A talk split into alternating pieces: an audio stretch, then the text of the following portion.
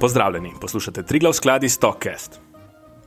Zadnje čase smo priča visoki volatilnosti zaradi geopolitičnih tveganj, zato smo danes pripravili nekaj o vplivu ukrajinsko-ruskega konflikta na svetovno ekonomijo.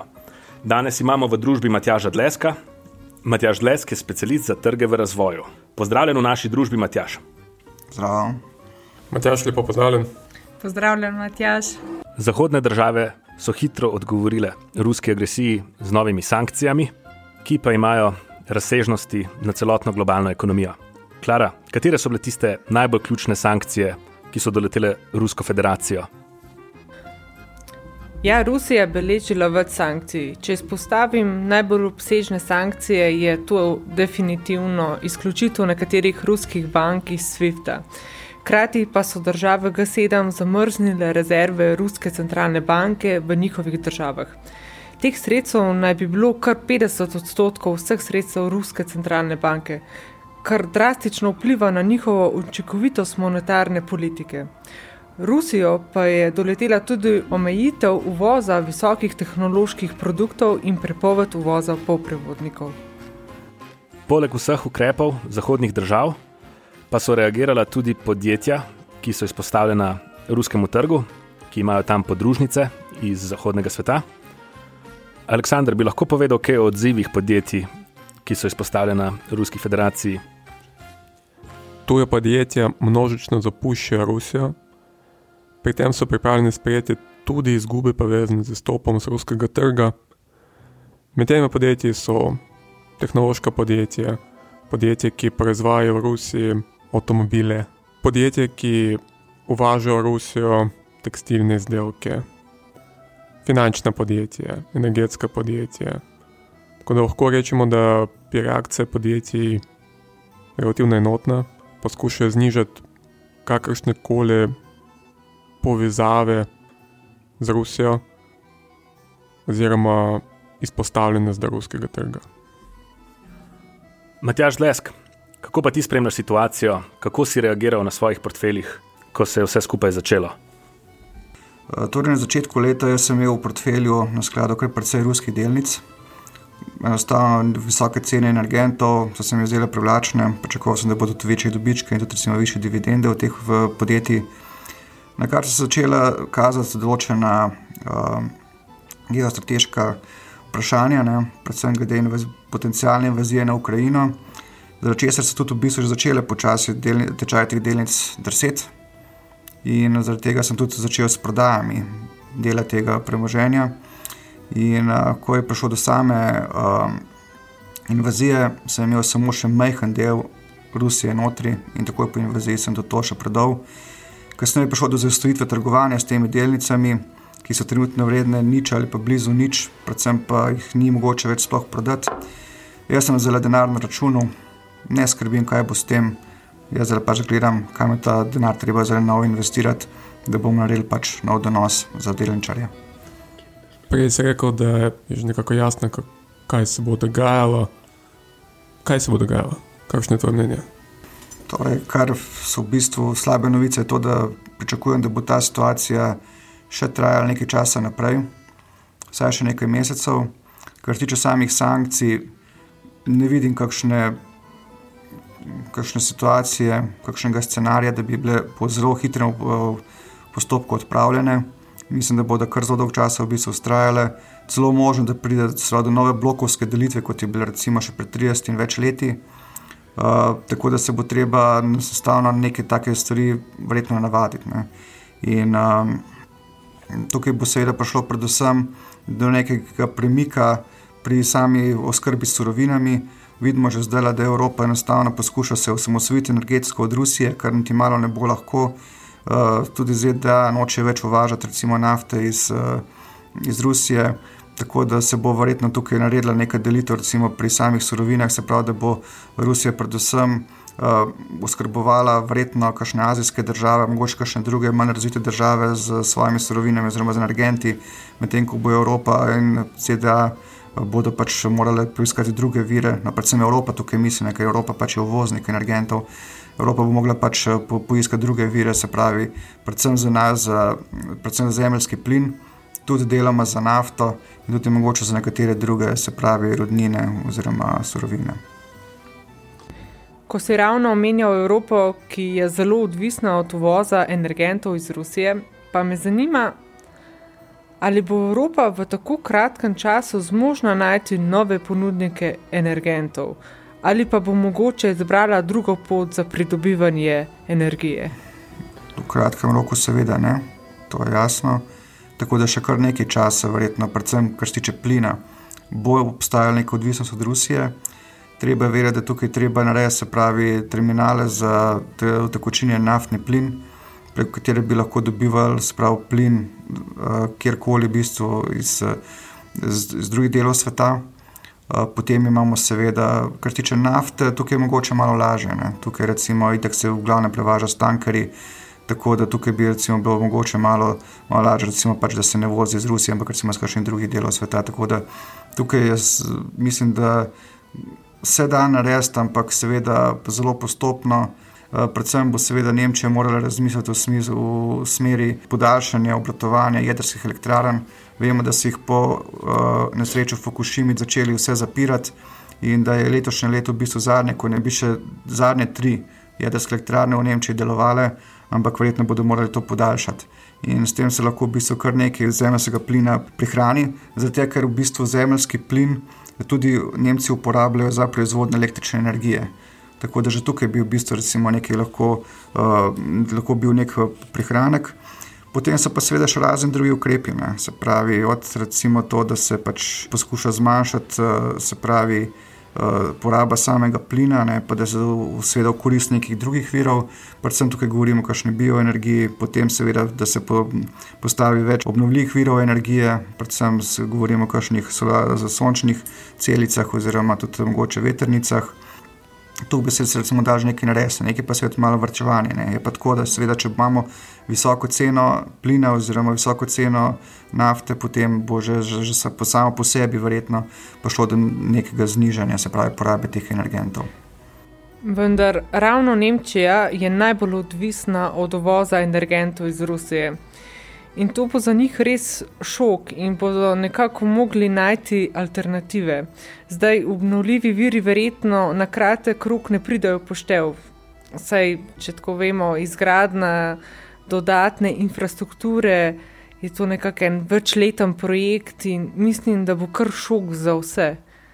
Ja, verjetno bodo tudi termoelektrarne začele delovati, ne, ker če imate recimo veliko, visoko ceno električne energije, potem tudi so pri teh, eh, tudi pri visokih cenah, zelo emisijskih kuponov, so lahko take, eh, lahko taka proizvodnja profitabilna. Eh, seveda pa jasno, morajo pa razvisiti pri jedrski energiji. Ne. Tukaj bi lahko bilo recimo težava. Ne. Ostalo pa seveda imamo tudi druge države, ki imajo recimo presežke, presežke energije. Predvsem recimo Francija, ne. ampak Francija, seveda, moramo vedeti, da no, oni več kot polovico energije proizvedejo v uh, jedrskih elektrarnah, potem lahko se tudi uvaža recimo iz Polske, vendar tam so spet kakšne termoelektrarne, kjer je spet problem unesnaženje. Tako da za silo bi lahko šlo, ne? ampak jasno, ta tranzicija seveda iz plina, ki ga je sicer Evropska unija tudi definirala kot nek zeleni vir energije, čeprav to dela če tega, da bi to bil. Ne? Ker treba je vedeti, sam zemljski plin je 85, nekje 80-85%, je to nekje metan, ki je, rekel, še bistveno bolj uh, kriv za globalno segrevanje kot pa recimo oglikov dioksid.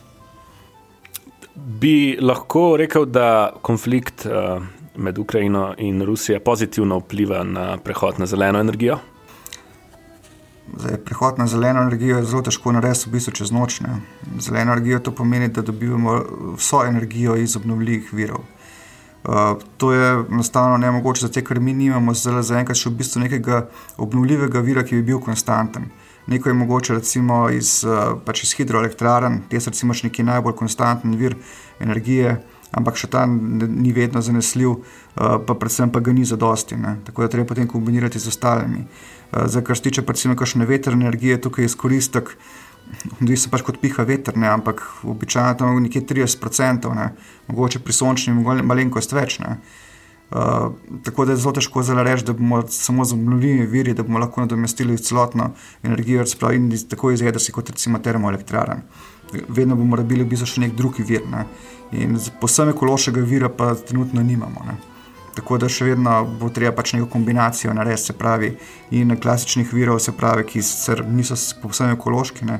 Jasno, za jedrsko energijo vemo, da delž tega da je bila ekološka, ne, ampak predvsem pa jedrska energija je trenutno edina, ki ne proizvaja CO2. Rusija je ena od držav, ki ima izjemno veliko naravnih bogatstv. Poleg nafte in plina bi izpostavil še kakšne surovine izpad ponudbe, katerih na svetovnih trgih bi lahko pomenil težave za svetovno gospodarstvo.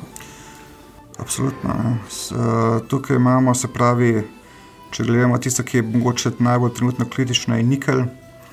Cena je šla v bistvu zdaj praktično čez noč, se je skoraj da se je v bistvu podvojila. Celo je bilo nekaj časa zaustavljeno trgovanje s to rudo, zaradi tega, ker je nastala neka panika nismo, nismo točno vedeli, kaj se bo naprej dogajalo, kako bo sploh zadosti še zaradi tega, ker enostavno Rusija proizvaja ogromno tega, predvsem pa najcenejši in tudi največji proizvajalec nikljeve rude, se pravi, norilsk nikl je pač iz Rusije. Uh, potem, kjer bi lahko še prišlo do kakšnih pretresov, so seveda, seveda trg, se pravi, umetnih gnojil. Tam imamo, se pravi, se pravi, kar dosti močne proizvajalce v Rusiji, predvsem kar se tiče kalija. Uh, tako da tukaj je problem, seveda, spet uh, s proizvodnjo samih umetnih gnojil, ker vemo, da se pri sami proizvodnji umetnih gnojil uporablja tudi zemljski plin, ne, katerega cena je že tako ali tako, vemo, zelo visoka. Uh, potem pa še ena stvar, ki je tudi pomembna tako za, za Rusijo kot Ukrajino, je recimo neon. Neon je recimo pomemben pri proizvodnji polprevodnikov. Sicer obstaja substitut, vendar stvari niso tako zelo lahke, tako zelo enostavne, ki bi lahko se nadomestil neon. Ampak pri spoprevodnikih pa vemo, že v, že v lanskem letu je prišlo do precejšnjega pomankanja na svetovnem trgu in lahko da bo to pomankanje trajalo še naprej, pa mogoče če, se, če bodo uspeli se pravi nadomestiti pač ta izpad neona, da bodo polprevodniki dražji. Vem pa, da polprevodniki so praktično povsotne. Se pravi, skarkoli elektronskega, praktično to brez polprevodnikov danes ne gre.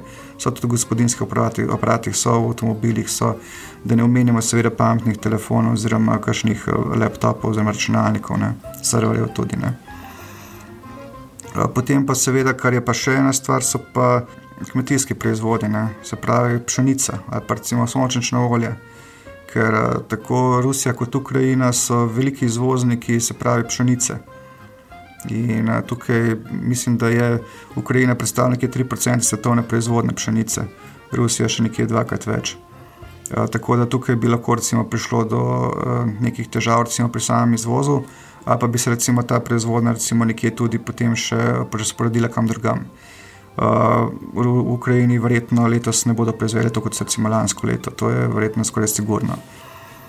Potem imamo še recimo sončnično semene oziroma sončnično olje, tega tukaj je Ukrajina vodilna na svetu, tako da tukaj bo prišlo pri samih jedilnih oljih, bi lahko prišlo do nekih težav pri oskrbi. Kateri trgi so ti pa zdaj zanimivi, kje ohraniš optimizem, kateri sektori so privlačni, kje so priložnosti, kje so donosi? Uh, se pravi, da treba gledati, da so večkrat stran, predvsem pa gledam kakšne države, so, ki so izvoznice surovin. Ker če gledamo zelo, v glavnem niso to vse surovine, ki so jih našteli. Tudi recimo kakšen bakr, recimo, je zelo kar precej drag, tudi zato je recimo zelo poskočilo. Imamo države, ki so recimo trgi v razvoju in še vedno recimo uh, so proizvajalke teh surovin. In jasno, če so proizvajalke teh surovin, se pravi, tukaj bodo verjetno imeli nekaj dobiček od tega. Ne? Eh, tako da zdaj gledam predvsem eh, kakšne izvoznice surovin. In eh, kar se tiče pa regij, pa se mi zdi zanimivo trenutno uh, jugovzhodna Azija, ki je nekoliko odmaknjena od tega, se pravi, niso v direktnem konfliktu uh, z Rusi, niso tudi uh, pod, pod nekimi sankcijami. Tako da tukaj mislim, da bi lahko se še zgodila kakšna reku, zgodba na, na boljše. Uh, gledam, recimo, mogoče kakšna Tajska, uh, predvsem v nekem smislu zmanjševanja, se pravi, zniževanja omejitev zaradi epidemije COVID-19. Eh, še vedno so določene omejitve, ampak upajmo, da ne bodo spet prišle v veljavo, tako da bi lahko tukaj zaživel njihov turizem, ki je recimo 20% BDP-ja. Imamo potem recimo Indonezijo, ki tudi, tudi je v bistvu nek izvoznik surovin, podobno recimo Malezija, recimo bogata z energenti. Uh, Filipini mogoče niti ne, oni so mogoče bolj odvisni, niso ravno tako, uh, ne izvažajo ravno surovin, bolj so odvisni od dogajanja, recimo, kakšnem ZDA. Uh, tako da še vedno se mi zdi, da nekje obstajajo priložnosti. Ne. To je zanimivo, recimo, teh trgih v razvoju, da potem, ko imate recimo nekje nek minus, ne, običajno imate nekje druge tudi plus, ne, ker države med sabo generalno niso zelo povezane. Nekatere so, ampak ne pa vse. Tako da še vedno se lahko da, se da potem nekam omakniti, recimo v neko uh, drugo državo, kjer, kjer določene. Uh, Določene težave, ki so prisotne druge, ne vplivajo toliko, toliko na, samo, na samo gospodarsko rast. Vem, da razvite trgi niso tvoje specializacije, ti investiraš predvsem raz, trge v razvoju, ampak še vedno imaš mogoče kakšno mnenje glede razvitih držav, torej ZDA, Kanada, Avstralija, Japonska, Evropa konc koncev. Zdaj, kar se tiče ZDA, jaz mislim, da tukaj cene energentov gre njim na roko, zato ker so v zadnjem času postali velik proizvajalec, se pravi, energentov, tako nafte kot plina, tako da celo se po, pojavljajo kot eh, izvoznik, eh, možen izvoznik, se pravi, utekočinjenega naftnega plina v Evropo. Uh, potem, kar se tiče Kanade, tukaj je mogoče to še dosti bolj kot za ZDA. Kanada je tudi ogromna država, zelo bogata z nekimi naravnimi viri, tako da bi tukaj lahko tudi precej pridobili. Uh, kar se tiče pa Evrope, jaz mislim pa, da bo zelo težko nadomestila preko neke vire energentov iz Rusije. In bo, mislim, da kar se tiče same Evrope, bo pa zelo odvisno od tega, kako, šok, kako bomo uspeli ta šok absorbirati. To bomo pa videli še. Matjaš, prej ko si rekel utekačinen naftni plin, si verjetno imel v mislih utekačinen Zemljski plin. Zemljski plin, LNG, ja. liquefied natural gas. Tako, tako. Kaj pa pričakuješ za ruskega potrošnika? Kako bo izgledalo njegovo življenje čez pol leta, eno leto? Treba vedeti, da je Rusija glede nekih osnovnih stvari precej samozadostna. Se pravi, eh, kar se tiče hrane, oni proizvedejo dosti hrane za, za sebe in so lahko še izvozijo. Kar se tiče energentov, vemo, tudi večino izvažajo. Tako da glede teh osnovnih stvari, mislim, da tukaj ne bo nekega pretresa, bo pa seveda za vse ostale stvari. Ne. Dohodek se bo verjetno zmanjšal. Tudi smo videli, zdaj, da je precej tujih podjetij, da je enostavno zaprlo svoje vrata v Rusiji, oziroma bistveno zmanjšalo svoje poslovanje. Nekatere seveda še ostajajo, ampak ne prav zelo veliko njih. Uh, zdaj bomo videli, kako se bo situacija še naprej odvijala. Zdaj, če bo še dolgo časa trajalo tako, kot je, potem mislim, da bi tukaj prišlo tudi do padca življenjskega standarda. Ampak Rusi mislim, so na to nekako navajeni. Tako da, pač, da bodo imeli v bistvu neko hrano, da bodo imeli, pa da bodo imeli poceni energente. Mislim, da bodo nekako na ta način v bistvu živeli potem še dalj časa. V zadnjem četrtletju se je uvoz iz Kitajske v Rusiji povečal za 38 odstotkov. Ali pričakuješ, da bo nastala situacija pozitivno vplivala na kitajska podjetja in ali bodo zaradi svojih odnosov z Rusijo? Lahko podvržene tudi sankcijami Zahoda? No, glede sankcij, to je zelo, zelo težko reči. Uh, definitivno je, da se bo zdaj Rusija verjetno bolj obrnila proti Kitajski, da bo predvsej izdelkov široke potrošnje, ki je mogoče prej prihajala iz ZDA oziroma iz Evrope, da bo zdaj prihajala iz, prišla iz Kitajske. Predvsem tukaj mislim, kakšne, rekel, izdelke, kakšne koli tehnične izdelke. Um, da bo pa zdaj to bistveno vplivalo na, na Na kitajska podjetja mislim, da ne. Zato, ker uh, Rusija vseeno ni tako zelo, zelo veliko gospodarstvo, tudi moramo vedeti, da bo tudi kupna moč padala, kar pomeni, da tukaj razen mogoče kakšne manjše podjetja, ki ima mogoče večji del izvoza tja, ampak uh, v večini primerov mislim, da to kakšnega bistvenega vpliva ne bo. Bo pozitiven vpliv, mogoče blago pozitiven vpliv, ampak ne vidim pa tukaj, da bo neka bistvena sprememba. Ja, verjetno bo odvisno od tega, kaj se bo izvažalo v Rusijo. Če bodo kitajska podjetja izvažala tehnologijo, ki je bila proizvedena ali pa kupljena v tujini, recimo v Ameriki, potem pa verjetno lahko sledijo res sankcije. Če pa bo to tehnologija, ki je bila razvita interno na kitajskem, dvomim, da bodo kakšne sankcije. Predvsem pa, ker treba povedati, ne, da ima Rusija trenutno ena redkih držav, ki ima trgovinski presežek v menjavi s Kitajsko.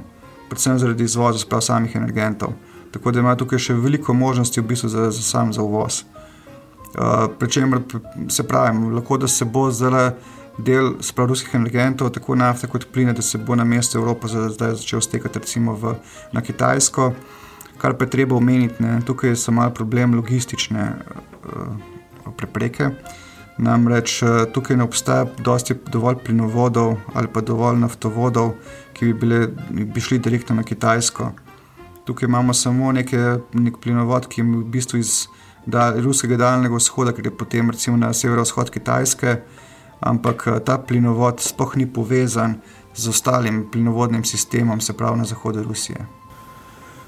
Torej, če govorimo o vplivu vojne v Ukrajini na svetovno gospodarstvo, sami spad, popraševanje Rusiji, v Ukrajini, mogoče tudi Belorusiji, ne bo imel večjega vpliva na svetovno gospodarstvo, ker te države imajo relativno nizek delež v svetovnem gospodarstvu. Predvsej večji vpliv, negativni vpliv, pa bodo imeli različne šoke na surovinskih trgih. Slovenski trg je absolutno. Mislim, da tukaj se bo še nekaj časa ta šok čutil, bomo videli, kako se bodo stvari razvijale. Uh, kar se tiče pa breku samih proizvajalcev, treba videti, kaj so recimo te, uh, te države zdaj le trošile, ne? oziroma kaj so največ uvažale. Ne? Tako da mogoče pa kakšne izdelke za široko potrošnjo, tukaj bi recimo mogoče lahko prišlo tudi zaradi zniženega standarda, bi recimo lahko prišlo zaradi tudi znižanja popraševanja. Ne? Ampak mislim, da vsem celoti to znižanje ne bo tako vplivalo. Mogoče bo nekakšne podjetja, ki so dejansko vezane na Rusijo. Ne? Teh bilo, teh seveda tudi ni bilo malo. Ne? Če gledamo Evropo, kar precej recimo, podjetij poslovalo z Rusijo, tudi gledamo recimo banke. Ne? Tudi recimo pri bankah je recimo zdaj le uh, težava, recimo te, ki so imeli izpostavljenosti na Rusijo. Uh, Tukaj bi lahko prišlo recimo, do določenih odpisov, ne, ki vprašanje, kako bi zdaj vplivali pač na njihovo kapitalsko ustreznost. Uh, In tako da tudi v samem finančnem sistemu je trenutno je prisoten, prisoten strah, kako bo s tem. Ne. Uh, vidimo tudi recimo, trgu, da trenutno delnice finančnih institucij ne stojijo uh, ravno najbolje. Um, v ruskih medijih opažam vedno več govora o nacionalizaciji, pa o požvižganju na patente. Misliš, da bi lahko Rusi izpad uvoza do neke mere celo nadomestili sami pri sebi? Vemo, da je tam veliko tovaren od avtomobilne industrije, pa pač veliko zahodnih podjetij zapušča državo, ampak še zmeraj sredstva, fiksna sredstva ostajajo tam. Misliš, da bi Rusom lahko uspel nadomestiti uh, upad iz, iz uvoza? Uh, kot vem, ima Rusija tudi zelo nekje, se pravi, sankcije glede uvoza polprevodnikov. In poprevodniki so pomembni pri proizvodnji marsikesa, praktično od gospodinskih aparatov prek recimo, pravi, računalnikov, telefonov do avtomobilov. Uh, kot vemo, so tudi se v bistvu te azijske države, ki so najbolj recimo, uh, izpostavljene glede samega izvoza uh, poprevodnikov. Tudi, recimo, tudi azijski proizvajalci v Glancu so se odločili, da bodo uh, ustavili izvoz v Rusijo. In brez polprevodnikov pa že zelo težko karkoli pametnega narediti. Tako da, eh, po, po mojem, prav vsega jim ne bo uspelo, ne? razen če bodo šli na kakšno sovjetsko tehnologijo. V zadnjem času je tudi veliko hekerskih napadov. Hekerski napad je doživela Toyota, zaradi česar so mogli ustaviti svojo proizvodnjo, tudi Nvidia so shekali. Misliš, da bi Rusi lahko dobili načrte, kako proizvajati stvari problem je, kako proizvajati polprevodnike, ker tukaj treba dobiti v bistvu stroje, ki to proizvajajo. Ne. In uh, če tega nimaš, ne, mislim, postaviti že samo tovarno, ki to proizvaja, ne, je to že kar, kar malo zahtevno. Ne. Lahko da bodo dobili kakšne manj zahtevne polprevodnike, recimo od Kitajcev, ne. to je edina možnost. Ne.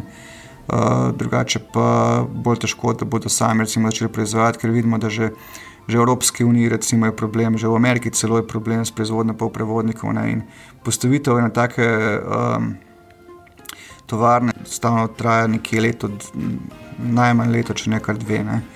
Tako da v doglednem času mislim, da bo da težko, da bo uspelo dolgoročno, pa se pravi, če bodo uspeli zagotoviti do, dovolj polprevodnikov, potem bo mogoče celo šlo. Ja, veliko si že povedal o Kitajski in uh, polprevodnikih. In uh, kot vemo, Tajvan je eden od ključnih proizvajalcev polprevodnikov, tajvansko podjetje Taiwan Semiconductor je najbolj napredno podjetje z vidika proizvodnje, ima najbolj napredno tehnologijo, ima najboljše in najbolj zanesljive tovarne. In uh, tukaj ne morem imeti vprašanja, kakšno je geopolitično tveganje na tem področju. Kitajska, Tajvan, kako ti ocenjuješ? To so znane stvari. Ne? Se pravi, Kitajska smatra Tajvan kot del svojega ozemlja in ga definitivno misli v prihodnosti priključiti. In mislim, da zdaj z, z veliko pozornostjo gleda, kako se, kako se razvija situacija v Ukrajini, um, ker verjetno tudi ima sami nekaj podobnega v planu. Ne? Tako da, lahko, da bo tudi do tega prišlo. In če bi prišlo, recimo, do kakšne invazije na Tajvan, potem tudi možno, da pride do uničenja, se pravi, teh proizvodnih možnosti, proizvodnih zmogljivosti za um, proizvodnjo polprevodnikov. In to mislim, da bi bil še bistveno, bistveno večji šok za globalno gospodarstvo, kot je recimo sedanja invazija na Ukrajino. V primeru scenarija, da Kitajska napade Tajvan in doživimo nek šok v polprevodnikih, katera, in, katera podjetja bi bila takrat zanimiva? Tisti, ki ne rabijo polprevodnikov, ampak to je pač prav težko najti. Tako da tukaj razen kakšne predelovalne industrije, pa recimo tudi mogoče kakšnih osnovnih materijalov, zelo težko, da bi karkoli še v bistvu bilo. Ne, ker, um, mogoče bi se celo mogli za nekaj časa premakniti neke povsem mehanske tehnologije. Ne. Ker uh, Tajvan dejansko, mislim, da ima nekje 40% ali še večji tržni delež, kot je uh, svetovni tržni delež pri izvozu, pol prevodnikov. Ne. In uh, težko, da bi recimo potem zagotovili, oziroma kar nekaj časa verjetno trajalo, trajal neki spad, ne, da bi lahko recimo nadomestili vse skupaj. Ne. Predvsem bi tukaj bila na udaru, seveda, avtomobilska industrija. Definitivno, ne. potem tudi, kar se tiče same proizvodne pametnih telefonov. Ne.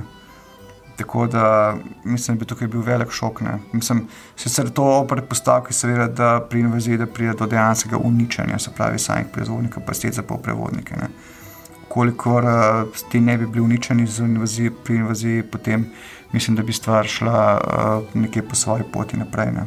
Tako da jasno, noben se ne bi bil pripravljen reči po prevodnikom, ker uh, enostavno predvsej stvari je odvisno od tega. Ne. Predvsej nekaj, nekaj čist proiz, moderne proizvodne. Se pravi, od gospodinskih aparatov prek računalnikov, telefonov do avtomobilov, pač po prevodniki so nepogrešljivi. Sankcije ne vplivajo le na podjetja, vendar jih občutijo tudi prebivalci Rusije. Matjaš, ali se ti zdi, da so te sankcije tako stroge tudi zaradi tega, da upozorijo Kitajsko, kaj lahko doleti, če bi želela prevzeti Tajvan? Dobro, te sankcije ne rešujejo vsega. Ne. Tako da, verjetno v kontekstu Rusije, verjetno bi recimo prepoved izvoza nafte in eh, plina, bi verjetno potem res bilo tista, bila tista sankcija, ki bi dejansko odvrnila od česar koli, ker enostavno potem se ne bi mogli več financirati. Vse ostale, recimo tudi recimo za plen, pa premoženje oligarhov, recimo njihovih jaht in tako naprej, verjetno tukaj ne dela kakšnega, nima kakšnega smisla. Ne. Uh, kar se tiče pa Kitajske, tukaj pa je stvar veliko bolj kočljiva. Ne treba vedeti, da sta Amerika in Kitajska zelo, zelo trgo, trgovsko povezani, tudi finančno povezani. Uh, tako da tukaj kakšne sankcije, kaj bi tukaj lahko učinkovalo, zelo težko razmisliti. No? Ampak definitivno bi bila situacija izjemno komplicirana. Ocenjuješ, da je zdaj najboljši čas za Kitajsko, da si prilasti Tajvan? Mislim, da oni ne bodo šli z glavo čez zid. To je edino, kar je. Ker oni zelo, zelo breko počasi gledajo na stvari zelo počasi. Oni so zelo dolgoročni igralci. Oni ne bodo naredili ničesar iz danes na jutri. Dobro bodo premislili, kaj se spuščajo, dobro premislili, kaj gredo, kaj gredo in kakšne bi lahko bile posledice. Ne? Ker eh, tudi, če gledamo recimo njihove notranje stvari, kako jih recimo sami rešujejo. Ne? Vse, kar še stvari, recimo, res naredijo čez noč, ne? ampak verjetno so že prej razmislili, kakšne bi bile posledice za naprej in kaj jih res moti in kaj recimo res morajo pač narediti. ne.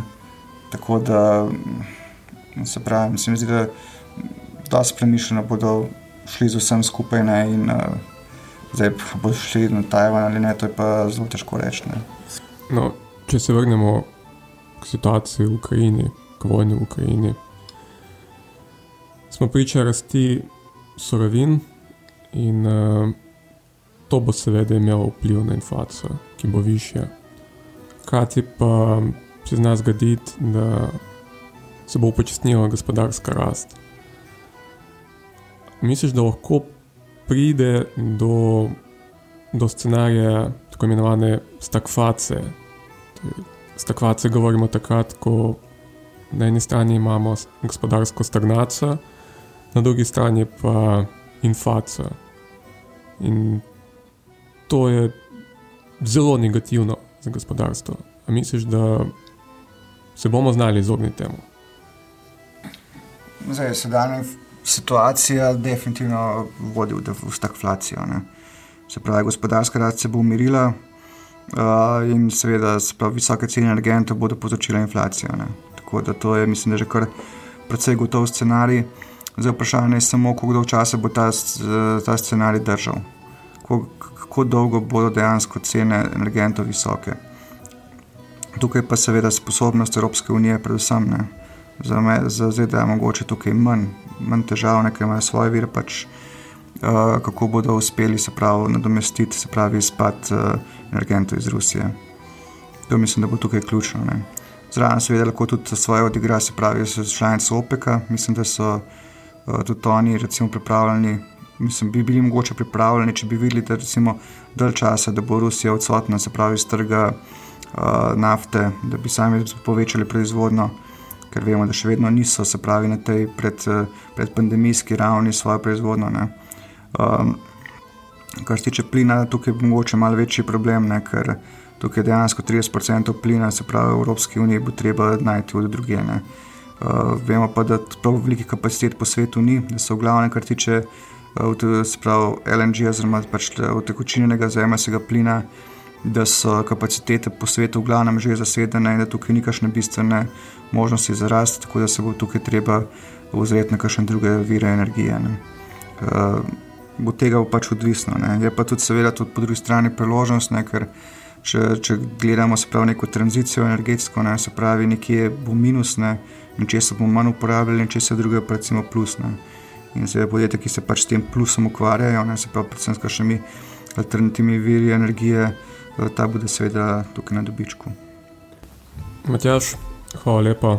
Mislim, da je bil to zelo zanimiv pogovor, ki je mogoče samo še poudarjal pomembnost razumevanja geopolitičnih tveganj pri investiranju.